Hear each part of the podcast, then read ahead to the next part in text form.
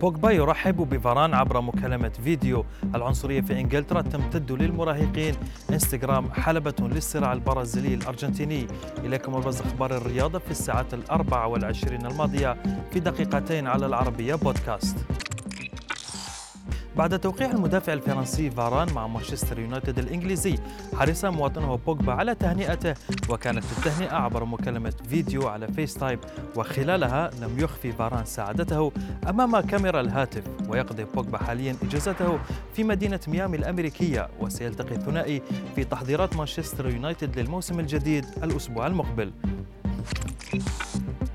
يبدو أن ممارسة العنصرية في إنجلترا قد امتدت إلى فئة المراهقين بعد إعلان نادي بورتسموث طرد ثلاثة لاعبين من فئة الناشئين بسبب العنصرية وتم تسريب محادثات على سناب شات للاعبين وهم يتحدثون عن راشفورد ساكا وسانشو لاعبي المنتخب الإنجليزي بطريقة غير لائقة على الإطلاق وأعلن النادي بأن التحقيقات أفضت إلى طردهم من أكاديمية بورتسموث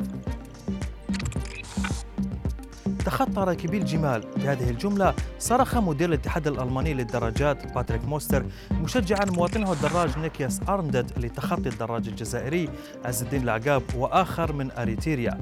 هذه الجملة كلفت المدرب العودة إلى ألمانيا. ولاقت أيضا ردة ردة فعل عنيفة من الدولة الأوروبية ومن الاتحاد الدولي أيضا. وحتى الدراج الألماني ذاته رفض هذا الفعل.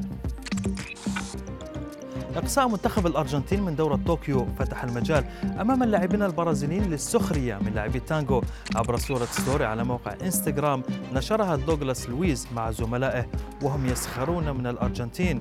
ورد الأرجنتيني دي باول بصورة معبرة من المباراة النهائية لكوبا أمريكا والتي فازت بها الأرجنتين أمام البرازيل على أرضها وبين جماهيرها.